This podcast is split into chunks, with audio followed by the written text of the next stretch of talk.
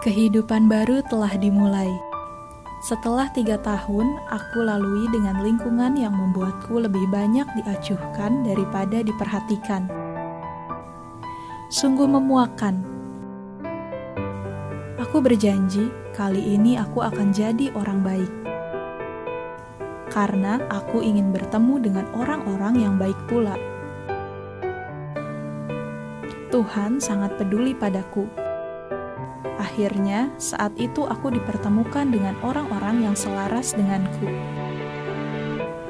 Tidak banyak, hanya bertiga berikut denganku.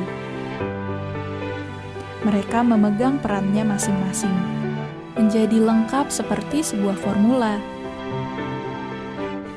Aku si pendengar dengan segala keseriusanku saat itu.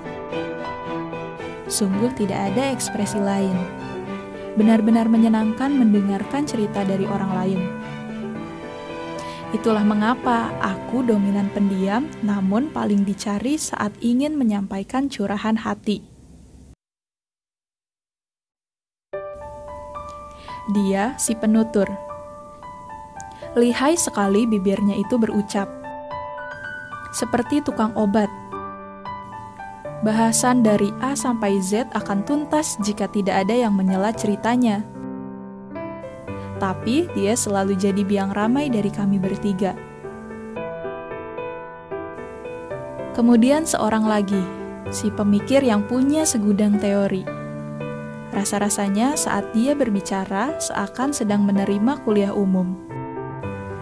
Memang orang yang banyak akal dan mampu memenangkan perdebatan semua itu seru sekali. Seperti tak sia-sia, penghujung usia 19 tahunku ditutup dengan bersatunya manusia-manusia ajaib. Dan sekarang, kalian apa kabar?